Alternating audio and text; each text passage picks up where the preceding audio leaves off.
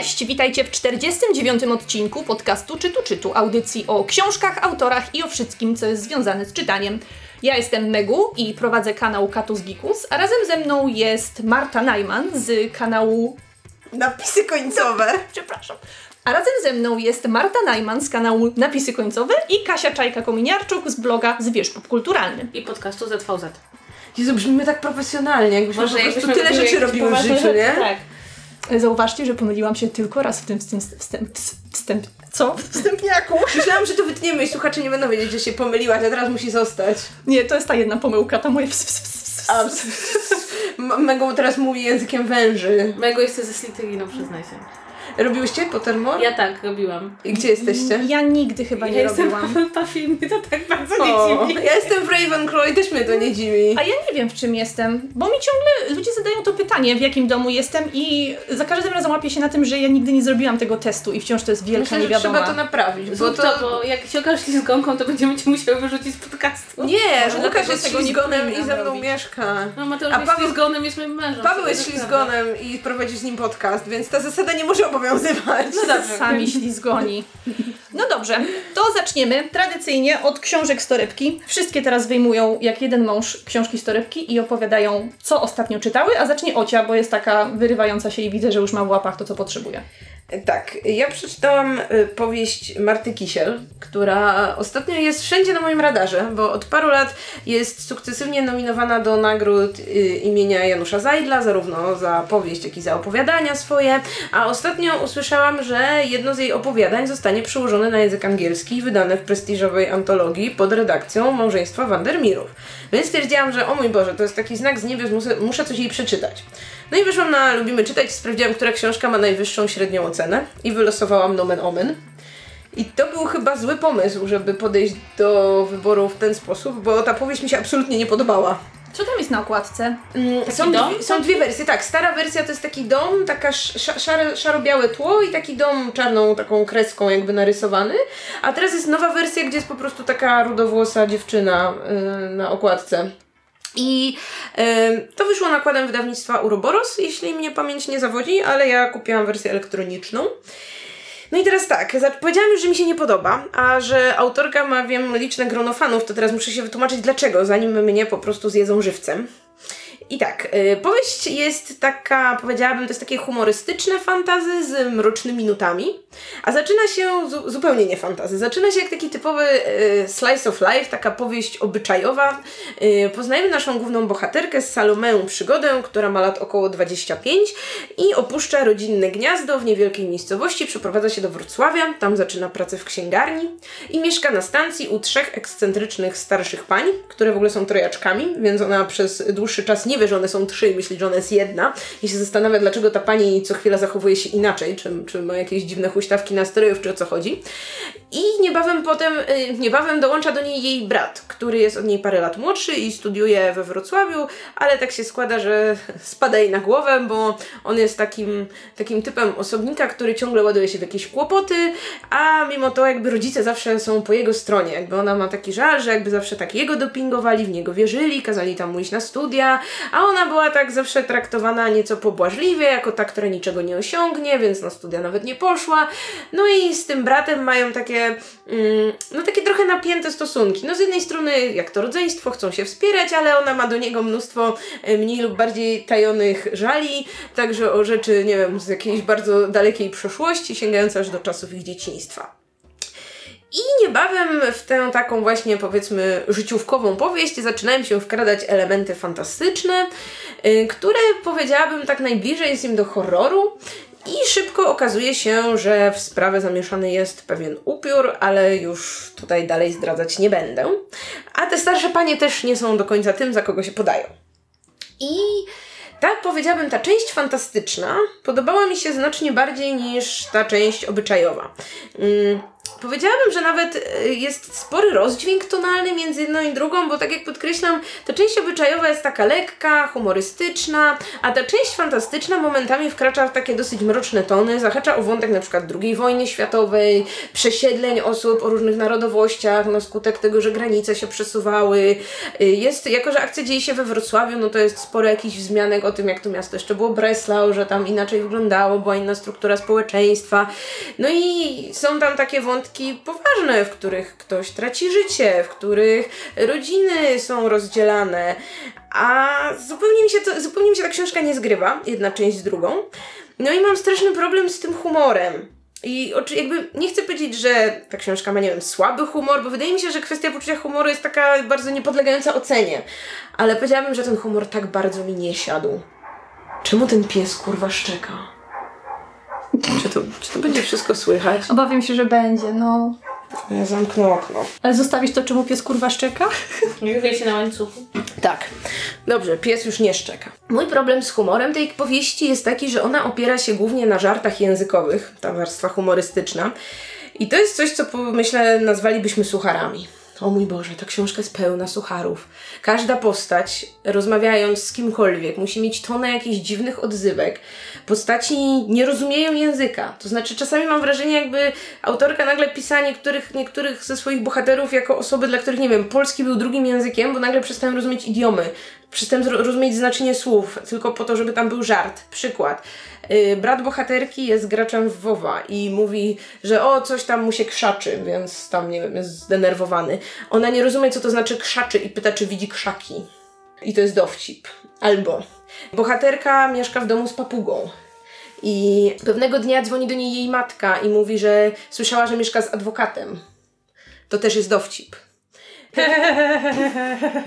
Albo tutaj też aż zaznaczyłam sobie. Nie zrozumieć ten dowcip. No, że papuga adwokat. Na adwokatów mówi się tak potocznie papugi, prawda? Na ludzi wykonujących ten zawód, Mówi więc. się? No ponoć tak, więc. Znaczy nie, no ja, ja to słyszałam. Ale i więc wiecie, dowcip polega na tym, że ktoś coś komuś źle powtórzył i matka myślała, że papuga to adwokat i to jest takie śmieszne.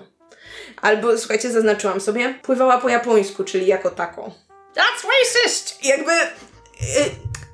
Gdy byłam w gimnazjum, to myślę, że te żarty już by mnie nie bawiły, ale nie chcę patrzeć z góry na nikogo, kogo bawią, mimo że mogę tak brzmieć. Po prostu, no nie wiem, tak mnie to szalenie frustrowało, że nie mogę się skupić na treści książki, nie mogę się skupić na przebiegu fabuły, bo po prostu co chwila ktoś wyskakuje z tego typu powiedzonkiem czy żarcikiem, po prostu notorycznie.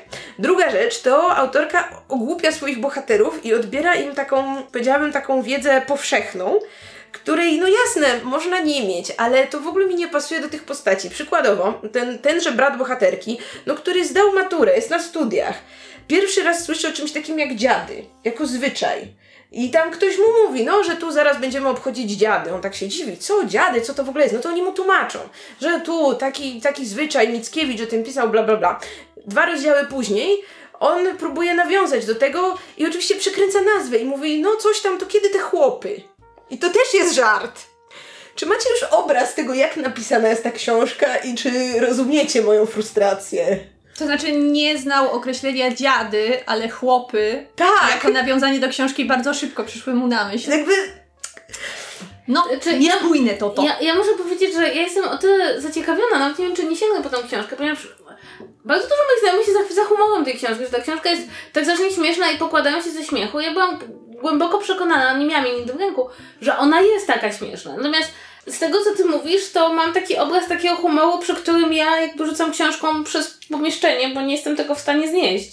I zastanawiam się, czy wymagania odnośnie poczucia humoru w książkach się tak obniżyły?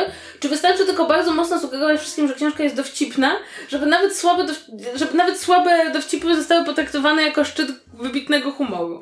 tak, no jakby, no nie, nie wiem, wydaje mi się, że ja mam poczucie humoru, tak? No nie wiem, śmieszy mnie Pratchett w fantastyce chociażby, no taki podstawowy najbardziej przykład, no ale po prostu przy tej książce nie zaśmiałam się ani razu, a często czułam, no, ciarki żenady. Więc o ile mówię, są elementy tej książki, które mogłabym pochwalić, bo i, i bohaterowie czasem są sympatyczni. No i właśnie jak mówię, ten wątek fantastyczny jest całkiem udany i całkiem oryginalny. Ale no, no, no, no, no nie mogę, no. Więc jakby nie chcę, mówię, jako że słyszałam bardzo dużo dobrego o tej autorce, to nie wiem, może powiedzcie mi, czy może jest coś innego, co powinnam przeczytać w jakimś innym stylu, no bo to też nie był jej debiut na przykład, sprawdziłam specjalnie, że to nie tak, że na przykład później może się jakoś coś zmieniło, no tylko już chyba i dru druga wydana książka, no ale no nie wiem, może powinnam sięgnąć po coś zupełnie innego, dać jeszcze szansę, więc po pomóżcie, ratujcie, no bo no mówię, jest mi, jest mi strasznie smutno. To przykre. Bardzo nam przykro, że musisz tak cierpieć. To w takim razie przejdziemy teraz do Kasi i Kasia nam opowie, co ostatnio słyszała. Y, słyszała. Słyszałam, mnóstwo rzeczy słyszałam. Co ale- słyszałaś, jak przemawiały do ciebie kartki tego, co przeczytałaś? Więc ostatnio muszę Wam wyznać, że zostałam zarzucona przez powieści graficzne. Otóż wydawnictwo Magnesy, o czym nie wiedziałam, zaczęło wydawać powieści graficzne i to tak od razu hurtem mnóstwo. I oni postanowili mi bardzo wiele z tych powieści graficznych przysłać. To z jednej strony jest zawsze miłe, jak się dostaje coś od wydawnictwa, a z drugiej strony straszne, kiedy człowiekowi się piętrzy taka dosyć wysoka kubka, zwłaszcza, że Kultura Gniewu też postanowiła przysłać mi komiksy, więc ogólnie nic innego nie robię od dwóch tygodni, tylko czytam komiksy. Apel, drogie wydawnictwa, przestańcie przesyłać tyle książek Kasi, zacznijcie pozostałym członkom tego podcastu, dziękujemy. Tak. O, em, o. I książka, tylko e, właściwie powieść graficzna, o której chciałam dzisiaj mówić i tutaj od razu przepraszam wszystkich, bo nie wiem, nie mam pojęcia jak to się czyta. To tytuł ma Audubon na skrzydłach świata. I o kim to opowiada? Opowiada to o Johnie Jamesie Audubonie, który był ogólnie rzecz biorąc z urodzenia Francuzem, e, a który w XIX wieku przemierzył całe Stany Zjednoczone właściwie, robiąc rysunki ptaków. I ogólnie badając ptaki, jego wielkim dziełem są ptaki Ameryki. E, I wydawać by się mogło, że nie jest to najciekawszy temat na, na komiks. Natomiast ten komiks jest absolutnie poruszający i absolutnie piękny z wielu powodów. Po pierwsze, twórcy tego, tego francuskiego komiksu, bo jest francuskojęzyczny oryginalnie, yy, skorzystali z notatek yy, autora jakby e, tego, tego atlasu pięknych, ale to pięknych grafik przedstawiających e, zwierzęta.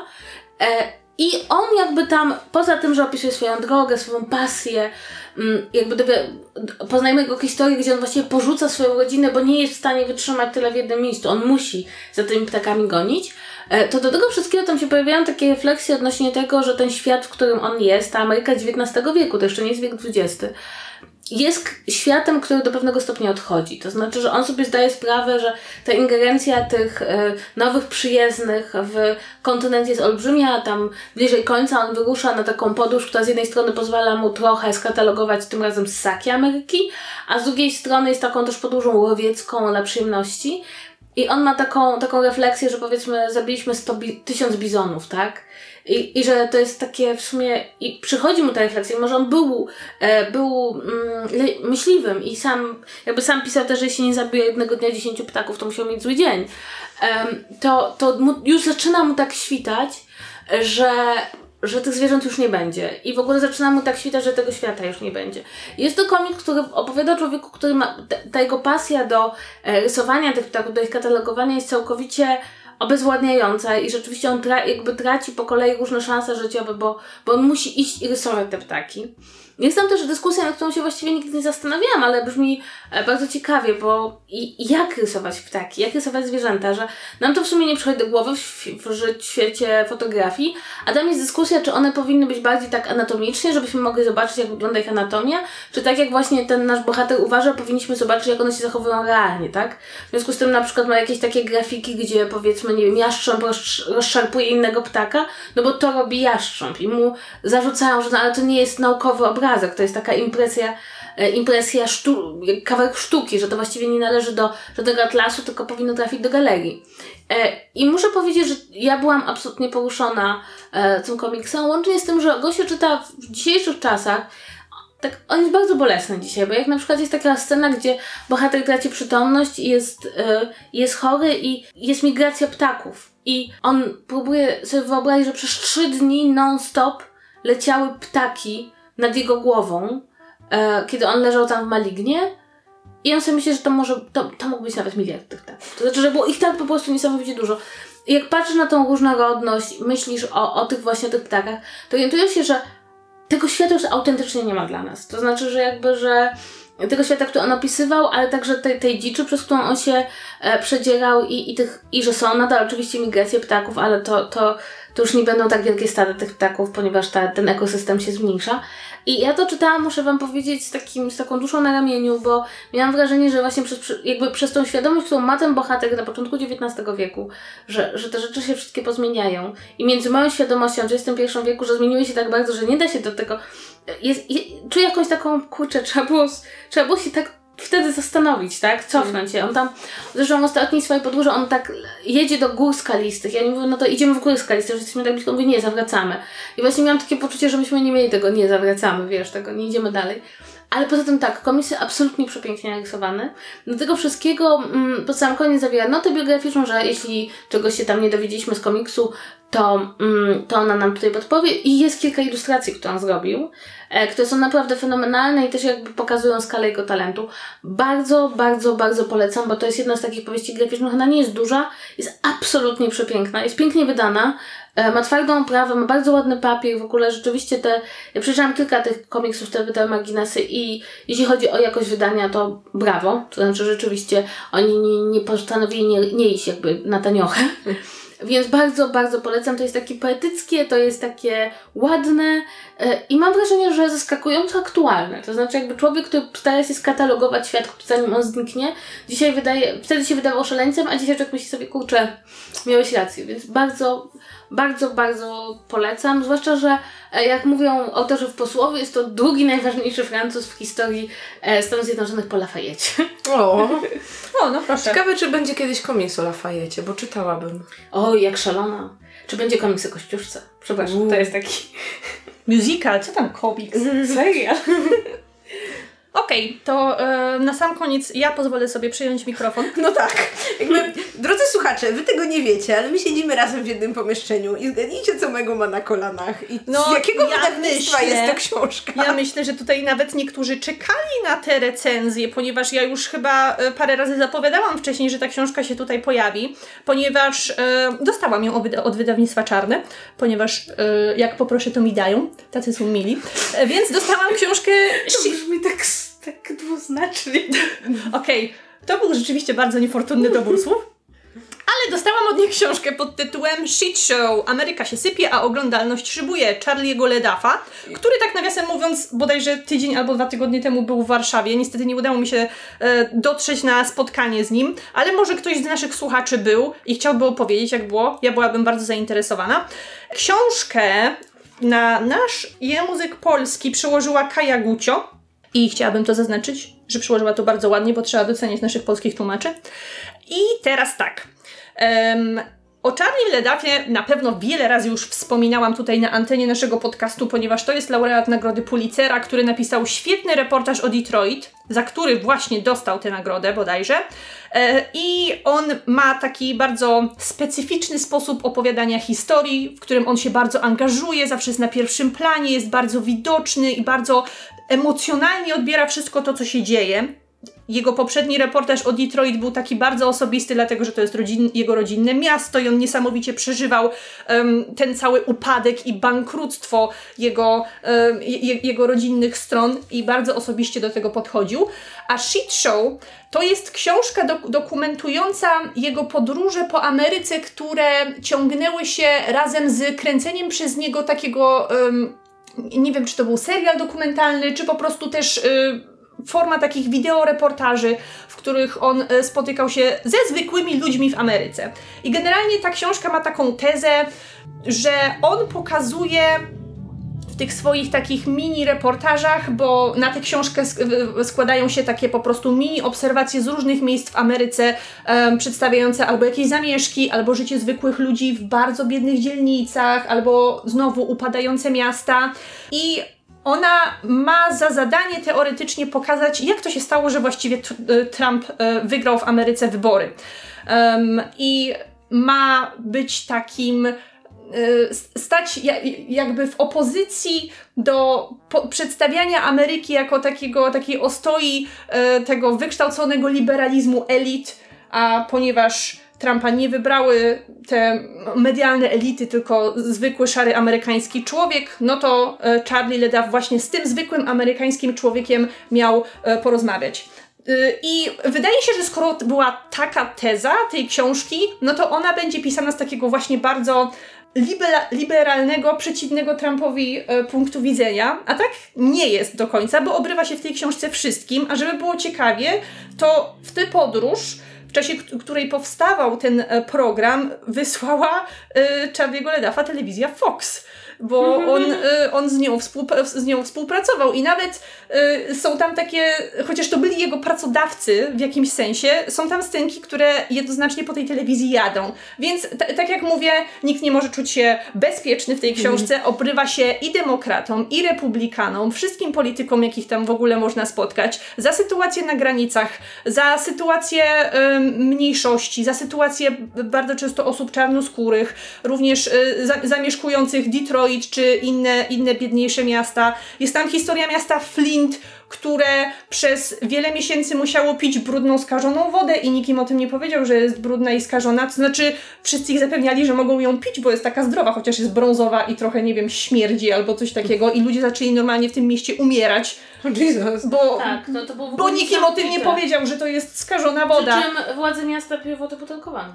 Tak, przez cały czas wszyscy urzędnicy sprowadzali sobie butelki. To było po prostu, to było po prostu cudowne. Oczywiście są też rozdziały o tych wszystkich e, zamieszkach związanych z, z protestami przeciwko brutalności policji, kiedy raz po raz dochodziło do sytuacji, kiedy e, biała policja pozwalała sobie zastrzelić nieuzbrojonego czar, czar, czarnoskórego mężczyznę.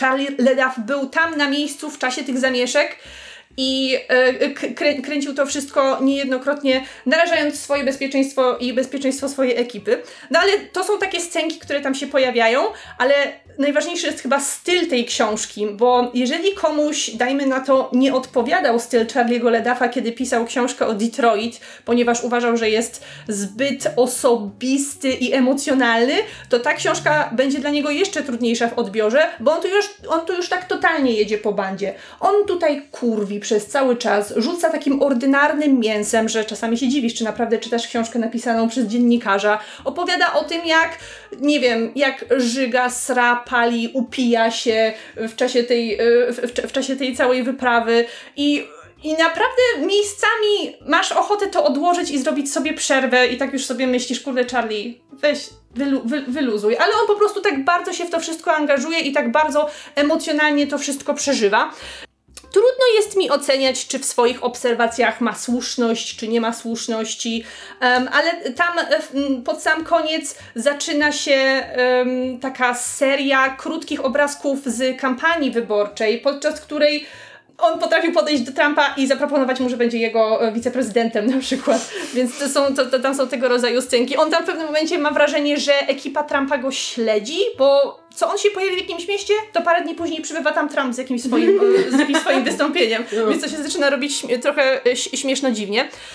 W każdym razie, jeżeli, jeżeli się zas- mamy zastanowić, czy ta książka rzeczywiście odpowiada na pytanie, jak to się stało, że, że Trump doszedł do władzy i został prezydentem, to myślę, że nie do końca.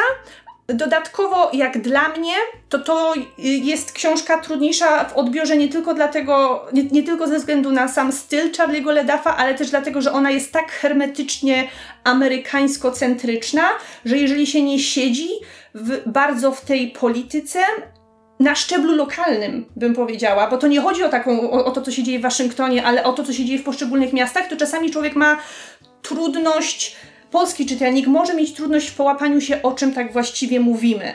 I ja czasami y, nie wiedziałam, dlaczego przenosimy się z jednego miasta do drugiego, gdzie jest to miasto, co się w, nim dzieje, bo te przeskoki w narracji są dosyć, dosyć gwałtowne i czasami trudno jest umieścić te wszystkie wydarzenia na mapie, więc trzeba się y, trochę na tym skupić i y, ta książka ma dosyć wysoki próg wejścia, jak dla mnie, ale wciąż ja lubię styl Charlie'ego Ledaffa, głównie dlatego, że on jest taki prowokujący i zupełnie inny niż wszystkie reportaże, które, które czytam. Więc jeżeli ktoś chce pogłębić swoją wiedzę na temat Stanów Zjednoczonych, a już coś na ich temat trochę wie, no to e, jak, jak najbardziej e, wypada się z tą książką zapoznać. E, chociaż może nie jest ona najlepsza dla e, kogoś, kto dopiero zaczynałby serię amerykańską e, o, o, od wydawnictwa czarnej, może lepiej byłoby zacząć od czegoś innego, ale ja, ja serię amerykańską bardzo lubię i lubię czytać o Mary- Ameryce, bo uważam, że to jest taki super dziwny kraj i generalnie mieszkają tam dziwni ludzie, a ja lubię czytać o dziwnych ludziach, więc mnie się ta książka bardzo podobała. No dobrze, to teraz pora, żebyśmy porozmawiały o czymś bardzo, bardzo innym, chyba od wszystkiego, co do tej pory omawiałyśmy, e, zarówno w podcaście, jak i w tym odcinku, bo będziemy mówić o książkach blogerów i celebrytów. Ja wam powiem, że ja sobie tak wstępnie, żeby od czegoś zacząć, podzieliłam te książki na trzy rodzaje. Uuu, ambitnie. I zobaczymy, czy się ze mną zgodzicie. Pierwsza to są książki, y, które dotyczą jakiejś dziedziny, w której ta osoba się powiedzmy specjalizuje. Czyli nie wiem, ktoś prowadzi blog kulinarny, więc wydaje książkę kucharską, albo ktoś prowadzi, dajmy na to, blog o modzie, więc wydaje poradnik stylu, jak się ubierać. Y, drugi typ to są książki o sobie, które no albo są po prostu taką autobiografią, albo są na przykład wywiadem, który ktoś przeprowadza z tym blogerem czy celebrytą. No a trzecia rzecz to jest literatura piękna, czyli no głównie powieści, albo nie wiem, zbiory wierszy, no wszystko, co nie jest pierwszymi dwoma kategoriami. I bym powiedziała, że pierwsza kategoria jest spoko, druga kategoria jest dziwna, ale no jeśli fani danej osoby to kupują, to też spoko. A trzecia kategoria jest do zaorania. To znaczy, nie, nie inaczej. Może nie do zaorania na zasadzie. Ym, chciałabym, żeby te książki nie istniały, tylko mam wrażenie, że istnieją tylko po to, że znane osoby sprawiają, że ich nazwiska sprzedają rzeczy, więc kręcą na tym fajny biznes, ale prawie żadnej z tych książek nie da się postawić obok takiej, wiecie, normalnej książki. Znaczy, ja mam, e, ja z kolei książki e, blogerów i celebrytów dzielę na dwie kategorie. Tylko. Te, które napisałam ja i te, które napisali inni. Nie, ale kategorie, kategorie są bardzo proste. Te, które mogę powiedzieć, że wydawnictwo napisało do osoby i powiedziało Iksiński, e, my tu widzimy w tobie potencjał, napisz nam książkę i to my jakby wskazujemy ci, co w tej książce ma być, kim my chcemy, żebyś był w tej książce. E, I drugie książki, czyli Iksiński, któregoś dnia wstaje rano i mówi napiszę książkę. I moim zdaniem to są drastycznie dwie różne kategorie, bo e, jakby mogę powiedzieć z własnego doświadczenia, a także takiej wiedzy branżowej, że to wygląda obecnie tak, że wydawnictwa się zorientowały, że ogólnie wiecie, rynek wydawniczy pada e, i że... Mamy za mało książek w Polsce. Tak, za ledwie, mało. ledwie 32 tysiące rocznie. E, I że oni przychodzą do blogerów, czy do youtuberów, czy do nawet do celebrytów i mówią właśnie napisz nam książkę. No to bloger czasem mówi, e, ale o czym? A a to nie jest w ogóle żaden problem, my ci tutaj podpowiadamy, bo my sobie wymyśliliśmy, że to sobie napiszesz książkę kucharską, poradnik, Weź tu e, swoje katalog. wpisy z ostatnich dwóch lat i wybierz najfajniejszych Al, albo 20. nawet myśmy sobie pomyśleli, że tak może 10 list 10 najfajniejszych rzeczy. I, I te książki się da wyczuć. To znaczy, jakby da się wyczuć z wielu powodów. Na przykład czasem dlatego, że wychodzą w chwili, kiedy jest moda na podobne książki z innych krajów, tak? No to Billy Sparrow, jak wydała swój arkusz poetycki w chwili, kiedy Instapoezja była najbardziej modna, tak? Bardzo było widać, że po prostu wydawnictwo, em, to było wydawnictwo otwarte, chciało wydać coś zgodnie z trendem, tak? Więc znaleźli dziewczynę, która pisze wiersze, jakby było takie, Billy, my ci to wydamy i jeszcze do tego zrobimy oprawę graficzną, która jest praktycznie identyczna jak oprawa graficzna naszych rzeczy wydawanych w serii tej Instapoezji. To ja z takich książek przeglądam e, książkę Roka. E, też, też znak. To Tak. znak otwarty to jest, wiecie, jest jedna firma. bardzo, Też bardzo znak, poluje na Tak, tam jest wprost napisane w blurbie, że to jakby znak przyszedł do niego i on e, nie chciał pisać tej książki, więc on się zgodził, że właśnie będzie rozmawiał z dziennikarzem, który jakby spisze ich rozmowy i on tylko będzie mówił. Oni sobie będą tam Mm. gadać o jego życiu i ten e, pan dziennikarz będzie to nagrywał i on sobie potem to napisze. A po prostu wiecie, no twarz Roka będzie sprzedawać tę książkę. Na tej książki nie czytałam, bo jakby no nie jestem, nie, nie, nie, nie, nie jest mam nic przeciwko panu, ale nie jestem fanką jego twórczości, nie oglądam go, no ale jakby, no powiem, że sprawiło mnie to w lekkie zdziwienie, że, że on wydawał się takim, wiecie, gościem, który się nawet nie rwie, żeby napisać, tych, wydać tę książkę, no ale no co miał zrobić, no przyszli, to, to powiedział, co miał do Znak powiedzenia. strasznie przychodzi do ludzi, strasznie im proponuje książki. Bardzo często ci ludzie nie są potem aż tak zachwyceni z tych książek. Bardzo jest duża presja. Oni e, oferują też bardzo taką wyczerpującą kampanię promocyjną. Dla mnie książka Chujowa Pani Domu jest typową książką wychodzoną u, u kogoś. No, jakby ja czytałam tą książkę, byłam mega zawiedziona, bo to była taka książka, która, która, w której jakby autorka, która umie pisać jakby albo miała za mało czasu, albo ją za bardzo zamknięto w jakimś takiej wizji antyporadnika i napisała książkę, która była tak bardzo niczym, że aż bolało.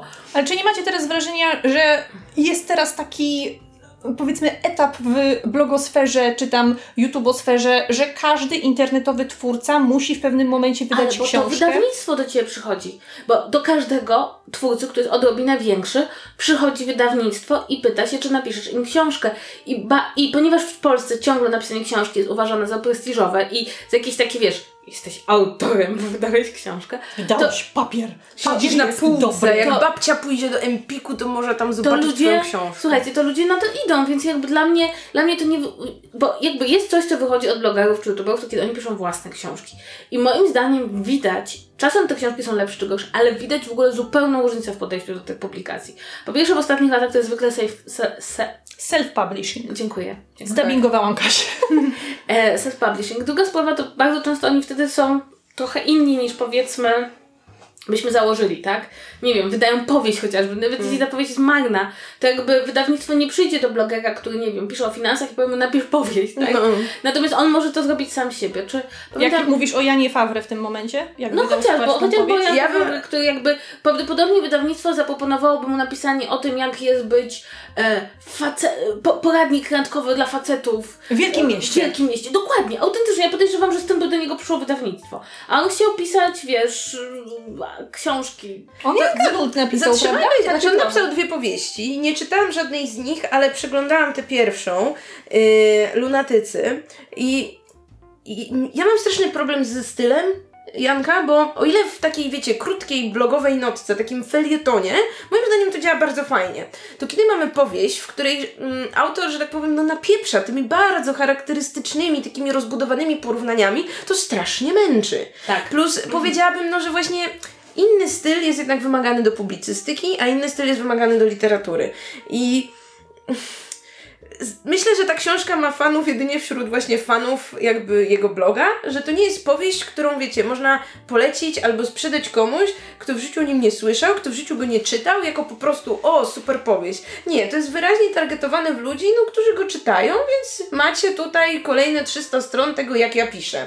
I on nie jest jeszcze tym najbardziej skrajnym przykładem, moim zdaniem, bo ja się tutaj, słuchajcie, przygotowałam do tego odcinka i przeczytałam jedną czwartą powieści Andrzeja Tucholskiego pod tytułem Admiralet.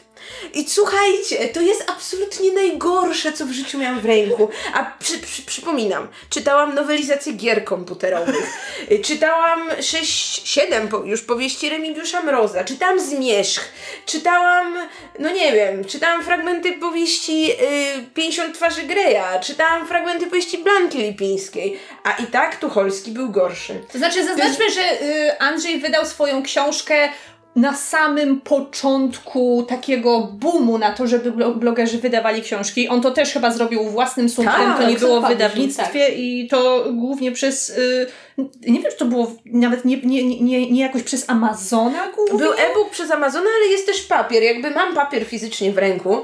Yy, i, I słuchajcie, jakby w tej książce to każde zdanie woła o pomstę do nieba. Jest. O, kiedy bohater wchodzi do pomieszczenia, jest opisywane to pomieszczenie w najmniejszych szczegółach. Kiedy bohaterka spotyka kogoś, jest natychmiast taki od góry do dołu opis tej postaci, łącznie z tym, jakiego koloru ma zęby i buty i wszystko. Jest drobiazgowy opis jakiegoś systemu przemieszczania się po łodziach, a jednocześnie jest to napisane językiem w stylu, no, fajna chmurka. Yy, postaci niezależnie od wieku, pochodzenia, zawodu porozumiewają się dokładnie takim samym językiem, takim generycznym językiem Andrzeja. No, no to, to, to, to jest koszmar, jakby i ta powieść, w dodatku tam się nic nie dzieje. Przez tę jedną czwartą, to jest jakaś tam część książki, ta książka jest podzielona na trzy części, to ta, tam się nic nie wydarzyło. Bohaterka się przemieściła dwa razy i zamieniła trzy, trzy dialogi z jakimiś tam postaciami, ale nie dowiedzieliśmy się nic. Nie, nie mamy pojęcia, dlaczego świat wymyślony przez autora funkcjonuje tak, jak funkcjonuje, jest horrendalnie dziwaczny. Ale potem obejrzałam książkę Kominka. Tak, ja chcę powiedzieć, że ja uważam, ja powiem szczerze, ja uważam, że e, z książki Andrzeja nie za bardzo należy się śmiać, ponieważ uważam, że to, to się dzieje, kiedy dwudziestoparoletni entuzjastyczni ludzie nie mają redaktora. I piszą sobie i wydają to własnym sumptem. I ja uważam, że o tyle się nic złego nie stało, że e, Andrzej jakoś nie, po, po, po pierwsze, że jest zupełnie gdzie indziej w swoim życiu, to też trzeba przyznać, że jakby nie Ale nie dalej pisze. redaktora. Ale, ale pisze, słuchaj, on pisze takie sympatyczne, coachingowe rzeczy dla... Nie no, on pisze y, powieść w odcinkach, którą nazywa serialem Wiem, literackim. Ale, ale on to od dłuższego Y, czasu chyba i nie pisze. On teraz się głównie, głównie koncentrował na coachingu. Ale on nigdy nie, po, nie, jakby nie, po, nie miałam nigdy poczucia, że on uważa, że napisał arcydzieło. W związku z tym jestem w stanie mu to wybaczyć. Wiecie, no są, są słynni pisarze, którzy chodzili i palili swoje pierwsze książki, więc To znaczy, ja mam, y, że tak tylko, tak tylko wtrącę, ja mam o wiele więcej y, pokładów wyrozumiałości dla ludzi, którzy wydają coś właśnie tak własnym sumptem, niż jak robi to wielkie wydawnictwo i chce to wciskać jako, jako coś wartościowego. To, Tak. to jest coś dla mnie Natomiast, zupełnie natomiast książka rzeczy. Kominka jest absolutnie fascynującym przykładem, co się dzieje, kiedy człowiek nie ma nic do opowiedzenia. Tak, Ale postanowił podamy napisać tytuł książkę. Torn tego wielkiego dzieła przez Bo H. wielkie dzieło polegało, Thorn. polegało Thorn. na tym, Thorn. że on napisał Thorn. teoretycznie książkę, a praktycznie skompilował trochę swoich autobiograficznych e, autobi- autobiograficznych różnych em, wpisów, po czym przeniósł akcję do Stanów Zjednoczonych, co kompletnie nie styka. Znaczy, Tak, autor to, jest koło brzegu. Autor jest koło brzegu i ta książka się tak ewidentnie dzieje w koło Zaraz, zaraz, przecież to jest Jason Hunt, tak? Tak, Boston, Massachusetts, hello. Co on będzie takiej prowincji swoją książkę opisywał. Ale słuchaj, ale to jest niesamowite, bo bohater teoretycznie chodzi po Stanach Zjednoczonych, ale przecież ty widzisz, że to gostek z koło brzegu. I, i tam nawet do tego, no, podaje amerykańskie nazwy, ale ty wiesz, że to koło brzegu. I czytasz to i masz takie, wow, ciekawe, wiesz, i to, to są naprawdę... On to ci są, powie, że jest Jason, To są a to takie- przecież Tomek. no tak, dokładnie, wiesz, bo to jest tak, że patrzysz na szczegóły i ja wiecie, to, to szczegóły są niesamowite, to znaczy jakby mu, on tam to się zaczyna, kiedy on chodzi do liceum i to mu się, on nie, nie, nie sprawdził, jak wygląda system nauczania w Stanach Zjednoczonych, czy, czy pisze o różnych rzeczach, które po prostu nie mają e, większego sensu w kontekście Stanów Zjednoczonych, a inna sprawa to, to niby ma być książka z wielką tajemnicą, w której mamy jakiegoś bohatera, Natomiast jak to czytasz, czytało się kiedykolwiek bloga Kominka z czasów, kiedy on pisał takie prywatne posty, to myślę sobie, no stary, to jest taki self-interest, to przecież jesteś ty. I co więcej, on jakby ukrył w tej książce różne zagadki i tajemnice. Wow, tam była taka grupa potem specjalna do odkrywania tych zagadek, pamiętacie to? Tak, założył niejaki Paweł Opydo. Znaczy, fuck! Nie powinniśmy chyba przywoływać Pawła w tej dyskusji. Ale, ale Wtedy będę musiała powiedzieć o tym, że on mi dał bana za to, że skrytykowałam tę książkę. O Jezu, o, o Jezu, ten odcinek to po prostu... Ej, ale ja, ja, mam, ja mam bardzo krytyczną opinię o tej książce, a nasza, nasza znajomość przetrwała, więc to nie jest Paweł, Paweł chyba w, w, był bardziej wyrozumiały. Natomiast, natomiast trzeba powiedzieć, że problem był taki, że Kominek zaczął to, Kominek, Thorn, Jason, zaczął to sprzedawać, jakby to było jakieś dzieło literatury, że to Tak, on, Ta Jason leczyła raka. Ona była tak genialna, że Jeszcze w leczyła ogóle jak raka. ona jest fenomenalnie wydana, bo to jest tak, że są strony, gdzie masz tekst, taki normalny w akapitach, po czym obracasz tę stronę i nagle masz takie jedno zdanie napisane, nie wiem, kapitalikami, jakimś innym fontem, jakiś taką w- cytat, nie wiem, jakieś takie motto, jakiś taki, wiecie, aforyzm nagle i tak dwie strony masz jakieś takie, wiecie, tych białych plam z jakimś aforyzmem, a potem masz dalej rozdział, jakby co, co to jest w ogóle? Znaczy, to był pierwszy przykład kogoś, kto rzeczywiście bardzo, bardzo wykorzystał to, że kiedy ty sam sobie wydajesz książkę, to masz na nią, masz na nią pełnią kontrolę i rzeczywiście ta książka, z tego co wiem, wyglądała dokładnie co do każdego z tych przedziwnych fontów, tak jak Tomek Jason chciał. E, I to, to, było, to jest dosyć ciekawe. To znaczy, dla mnie najbardziej szokujące to są te dwie książki o blogowaniu, które, Są dobre. Które jakby do dzisiaj są takimi najbardziej podstawowymi pozycjami o blogowaniu. Czy to jest jeszcze w ogóle aktualne i do wykorzystania? Słuchaj, Ta druga, tak, jest taka zaktualizowana. Tak, to się tak. nazywa Blogger i Social Media. I ona ma tam, nie wiem, z 500 stron i to jest dalej aktualna książka. Tak, znaczy ona właściwie mówi trochę, co prawda ona uczy jak założyć jeden rodzaj bloga, to znaczy Tak. bloga Kominka, ale uczy w bardzo, bardzo przystępny sposób. Natomiast ja bym tutaj chciała zrobić taką, taki krok, krok w bok, ponieważ istnieje moim zdaniem najbardziej fascynujący rodzaj książek. I ja przyznam, że to są książki szafiarek. Ponieważ to. Szafiarki wydają książki? Och, był taki moment. Tam jest tekst? Słuchaj, no więc był taki moment, kiedy Racka wydała, Charlie's Mystery wydała, wydała Make Life Easier, Tak, E. jest poradnik stylu Kasi tu. I słuchajcie, i problem właśnie polega na tym, że nie za bardzo jest co wydawać w przypadku blogerek modowych, no bo jakby Książki o stylu one głównie, się, tak? one się opierają głównie na zdjęciach. I chyba najnudniejszą książką z tego typu to jest, chyba to brzmi Nie mam się w co ubrać, Charlie's Mystery, która jest książką, w której są zdjęcia ubrań i napisane co to za ubrania. Awanty, tak jak w każdym kiosku. I, i, oglądasz to i masz takie... mhm. I tam są jakieś, jakieś, jakaś biografia tego ubrania, czy jakiś materiał, czy... ale to jest tak niewyobrażalnie nudne. Nie jestem w stanie wyobrazić nikogo, kto nie padłby z nudów w połowie. Bo jeśli się tym interesujesz, to to wiesz. Jak się tym nie interesujesz, to jest najnudniejsza rzecz na świecie. Ale dla mnie ta książka świetnie pokazuje, jak bardzo wydawcy przychodzą do blogerów i nie mają na nich pomysłu.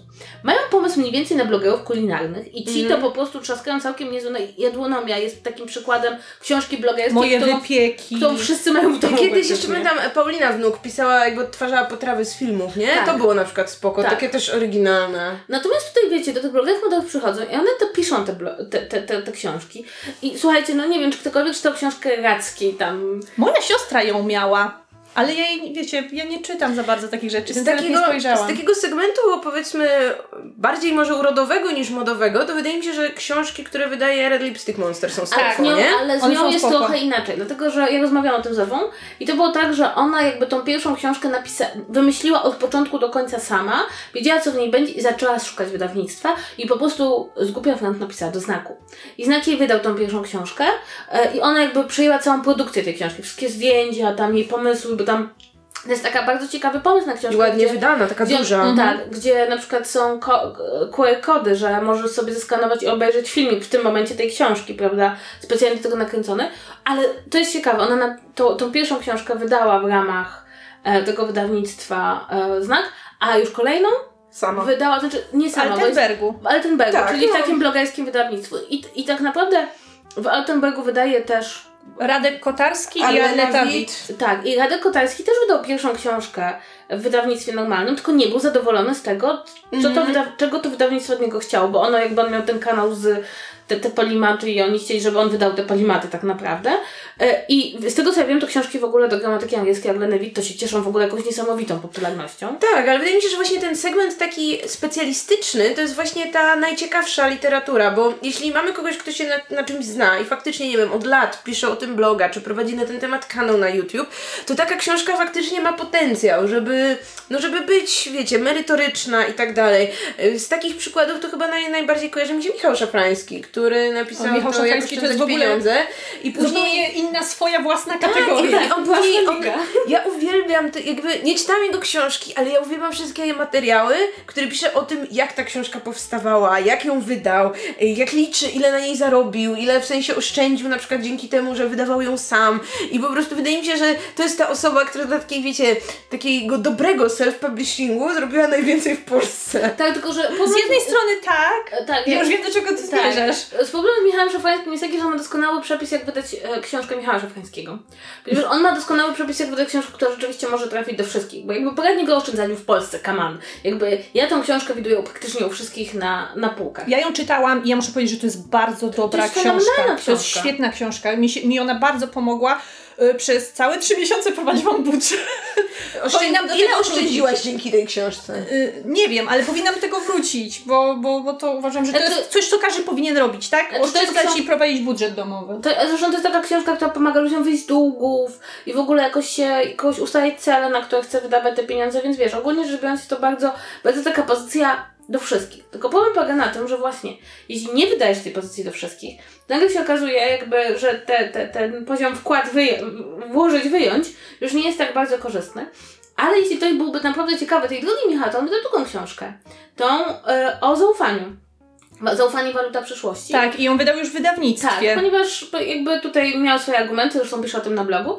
I to jest właściwie książka jego drodze życiowej, o tym jak on jakby przeszedł przez to wszystko. Jest to taka, trochę można powiedzieć, książka O nim. o nim, Trochę. o nim, ale napisana z taką werwą, bo to jest człowiek, który pisze z taką werwą i w ogóle ma taką osobowość, że to się mm, naprawdę bardzo fajnie i przyjemnie czyta. Natomiast a propos tych książek znienawidzonych, bo ja myślę, że nasi słuchacze nie przyszli tutaj dlatego, że chcieli posłuchać. Że Michał Szafrański jest fajny i fajnie pisze. Nie, Tak, to, to. Michał. Na pewno nasz słuchasz, to jest po prostu twój drugi ulubiony podcast zaraz po twoim, prawda? Em, natomiast, natomiast jeśli chodzi o książki, które ja nienawidzę, to ja nienawidzę takiego kanału historycznego, Boże, jak to się nazywa. Jest taki kanał o historii i ja nie pamiętam jak on się nazywa, Jest- Nie wiem. ale Bez cenzury? bez cenzury. Tak, historia bez cenzury. Jezus Maria. Ja bym po prostu, ja jestem przeciwna paleniu książek. Bardzo. Mam same złe skojarzenia, ale co pewien czas, przechodząc po Kempiku, mam, e, znaczy, bo po pierwsze zaznaczmy, że e, historia bez cenzury jest em, typowym przykładem pewnego tworu internetowego. Znaczy ten facet, który tam mówi, to nie jest facet, który się zna. To jest facet z castingu. Oni zrobili casting na prowadzącego, żeby miał gadane. I w, Okej. w związku z tym jakby cała ta persona jest wykreowana. A druga sprawa, te książki są przepraszam, bo to Tu Kasia audiodeskrypcja. sobie oczy. Jakby one są koszmarnym uproszczeniem zjawisk historycznych. Są nienaukowe. Są takim koszmarnym sprzedawaniem fajnej historii, tylko że ta historia jest fajna, dlatego że nie jest historią, tylko jakąś narracją. Dlatego są dosyć nacjonalistyczne tak naprawdę. Więc ja powiem szczerze, że i uważam, że są szkodliwe. Dlatego, że zwłaszcza jak ktoś, ludzie mają taką bardzo niedobrą, dobry zwyczaj. Ja to wielokrotnie widziałam, sprawdzając pracę różnych ludzi i w ogóle sprawdzając pracę uczniów, że jeśli coś napisali, to to jest prawda. Że jak ktoś coś mówi na YouTubie, to jeszcze wiesz, to jest YouTube. Tak. Ale jak wydali w książce, to to jest święta prawda. I, przypadku to nie jest święta prawda. I te książki, wiesz, ja rozumiem popularyzację i bardzo się cieszę, jak ludzie popularyzują historię, ale popularyzacja nie może się wiązać z takim uproszczeniem, z takim jakby, z, z takim naginaniem faktu, żeby one układały się w taką fajną narrację, czy z ujawnianiem jakichś tajemniczych rzeczy w historii, które tak naprawdę ani się ich nie ujawnia, ani nie są tajemnicze i w ogóle po prostu nie było ich w podręczniku może do klasy piątej podstawówki, tak? Nie, nie cierpię tych książek. Natomiast miałyśmy mówić też o książkach No celebrytów. właśnie. E, I to, to moje pytanie będzie takie, czy czytaliście kiedykolwiek książkę o celebrytach, która Wam się podobała? To znaczy...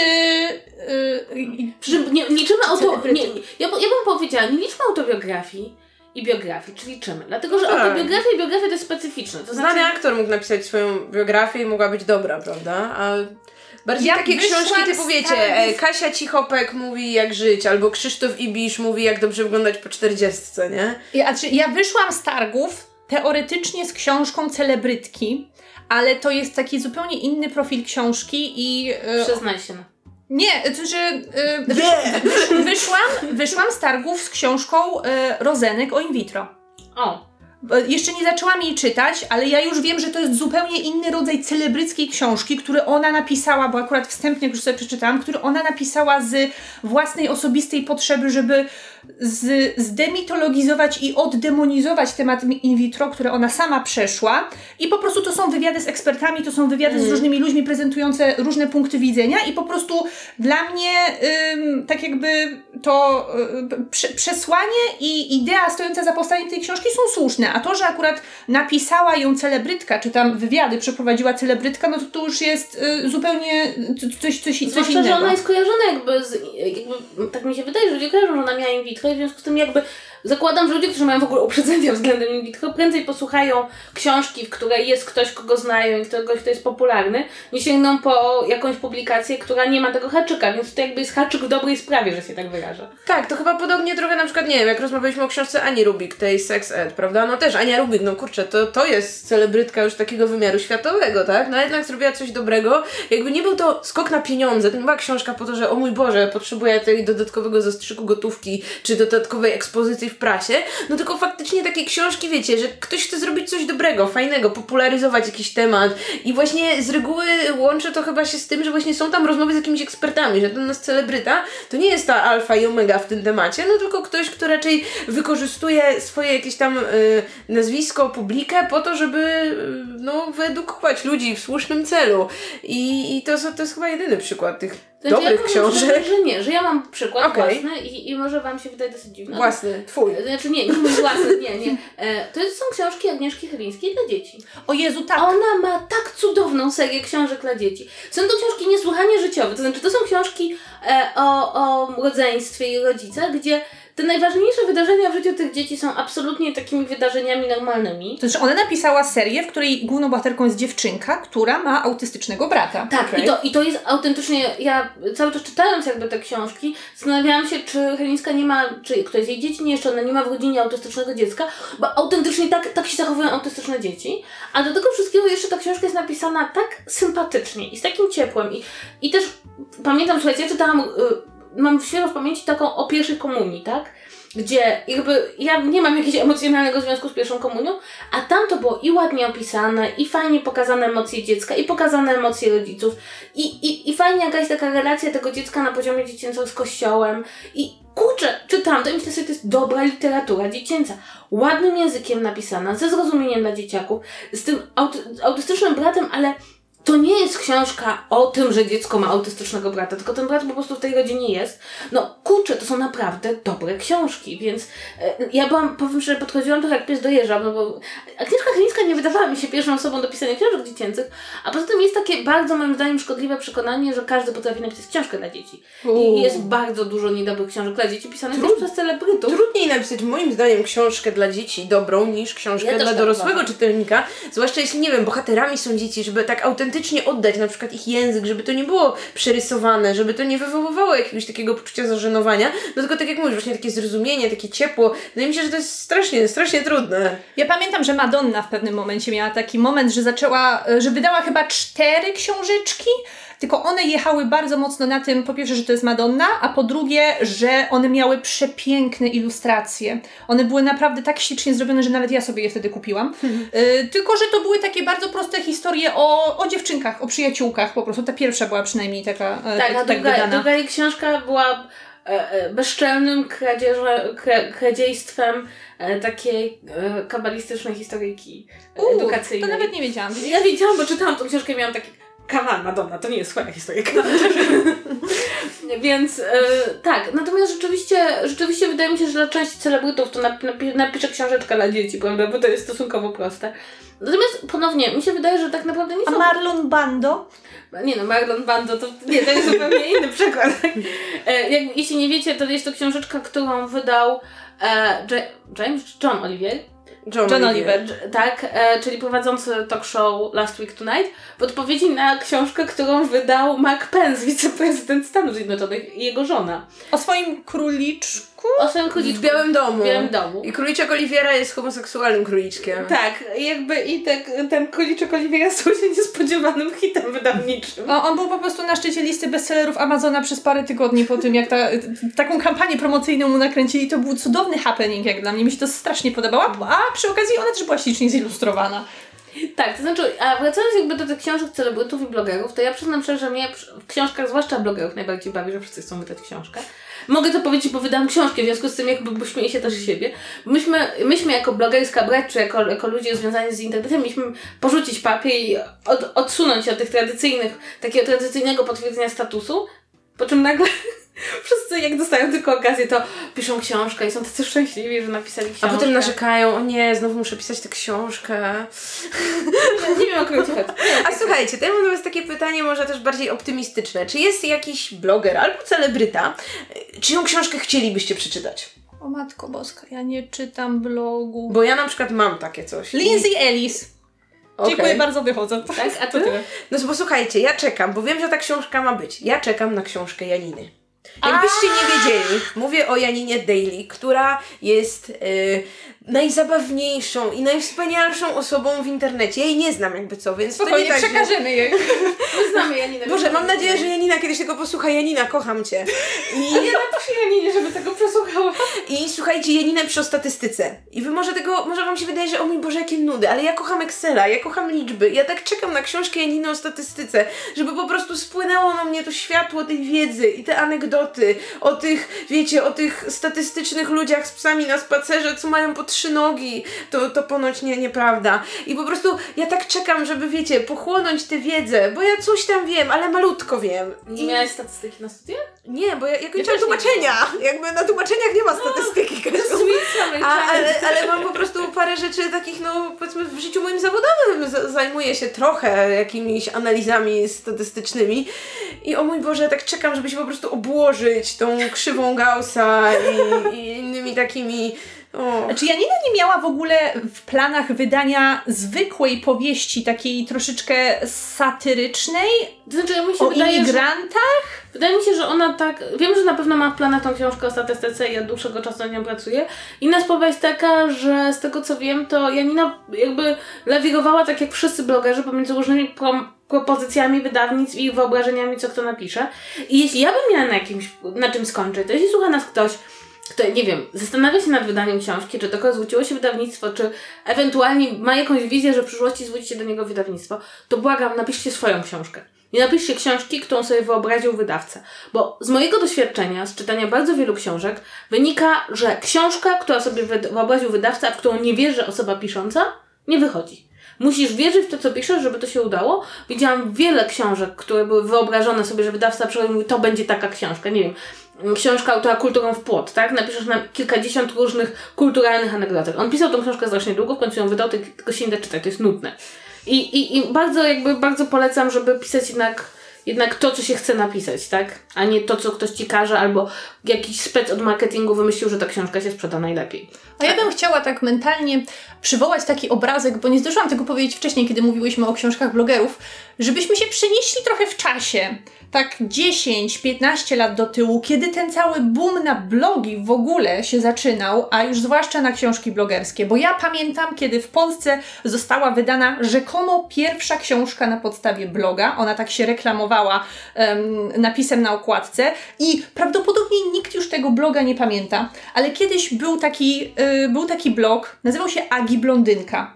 I ta dziewczyna sama też yy, yy, w jakimś małym wydawnictwie wydała po prostu teksty z tego bloga jako książkę. To się zamawiało tylko i wyłącznie wtedy przez internet. To nie było, to nie było dostępne w księgarniach. I ja pamiętam, że tę książkę miałam. I pamiętam, że to było takie dziwne uczucie dla mnie, że trzymam w ręce książkę blogerki. To mogło być naprawdę 10-15 lat temu, więc ja byłam nastolatką wtedy.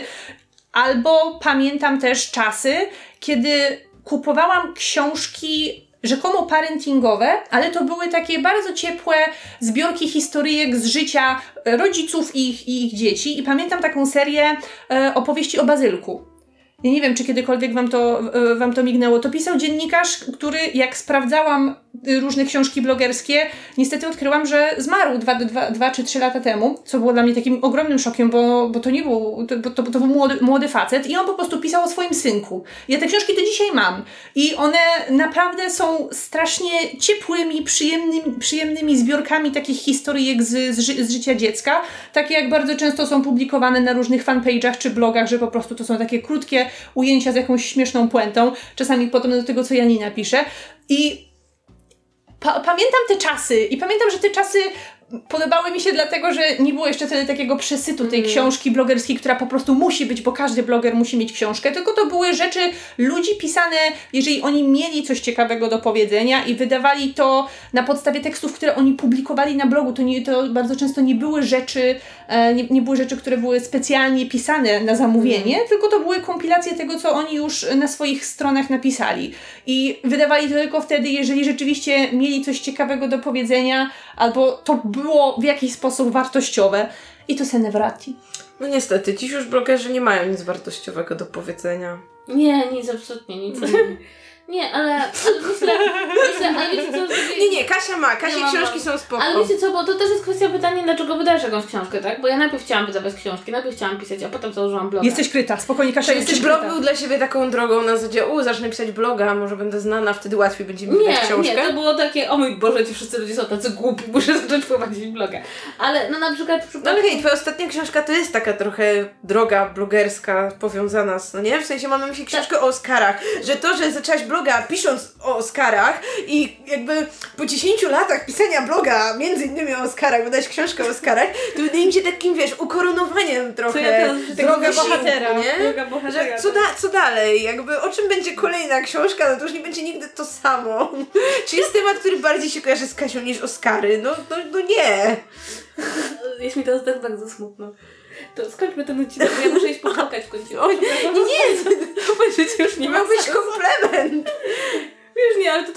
Nie, tak smutne, jak napiszesz dzieło życie koło 30 roku życia kolejne 50 lat będę się... Słuchaj, no romantycy mieli na to odpowiedź, umierali. Zdecydowanie kończmy ten odcinek. Beznadziejna rada, beznadziejna rada. Więc, drodzy słuchacze, jeżeli Wy na przykład natrafiliście na jeszcze inne książki wydane przez celebrytów albo blogerów i na przykład uważacie, że one są dobre i godne polecenia, to zostawiajcie nam komentarze, a my chętnie to przyjrzymy i kto wie, może nawet skusimy się, żeby jedną z tych książek przeczytać. A teraz będziemy już kończyć nasz temat główny i na sam koniec Ocia powie Wam, co możecie dla nas zrobić. Możecie zostawiać nam komentarze na YouTubie, możecie wpadać na Spotify, czy na iTunes, czy do innych aplikacji podcastowych, gdzie możecie nas słuchać i zostawiać nam suby. Czasem możecie zostawiać nam też recenzje, za co jesteśmy bardzo wdzięczni, bo wtedy więcej osób trafi na nasz podcast. Możecie zaglądać na nasz fanpage na Facebooku, czy tu, czy tu i tam również zawsze możecie zostawić komentarz. No i ostatecznie możecie napisać nam maila na czytu, czytu, małpa podsłuchane.pl i e, chętnie przyjmiemy sugestie tematu odcinka na przykład z Waszej strony. Tak więc wszystkie Wasze uwagi są mile widziane i trzymajcie się, usłyszycie się z nami już za tydzień w odcinku 50, gdzie szykujemy dla Was coś specjalnego i możecie obstawiać co to będzie, ale nie powiemy czy to prawda, póki ten odcinek się nie ukaże. Ale w każdym razie pamiętajcie, to jest człowiek, który potrzebuje masła. Spoiler! Wytnij to. Z maślanym pozdrowieniem żegnają się z Wami... E, Okej, to coś nowego, ale my, kontynuuj. my, my, żegnają się z Wami my, no to cześć. No ja się papa. Cześć.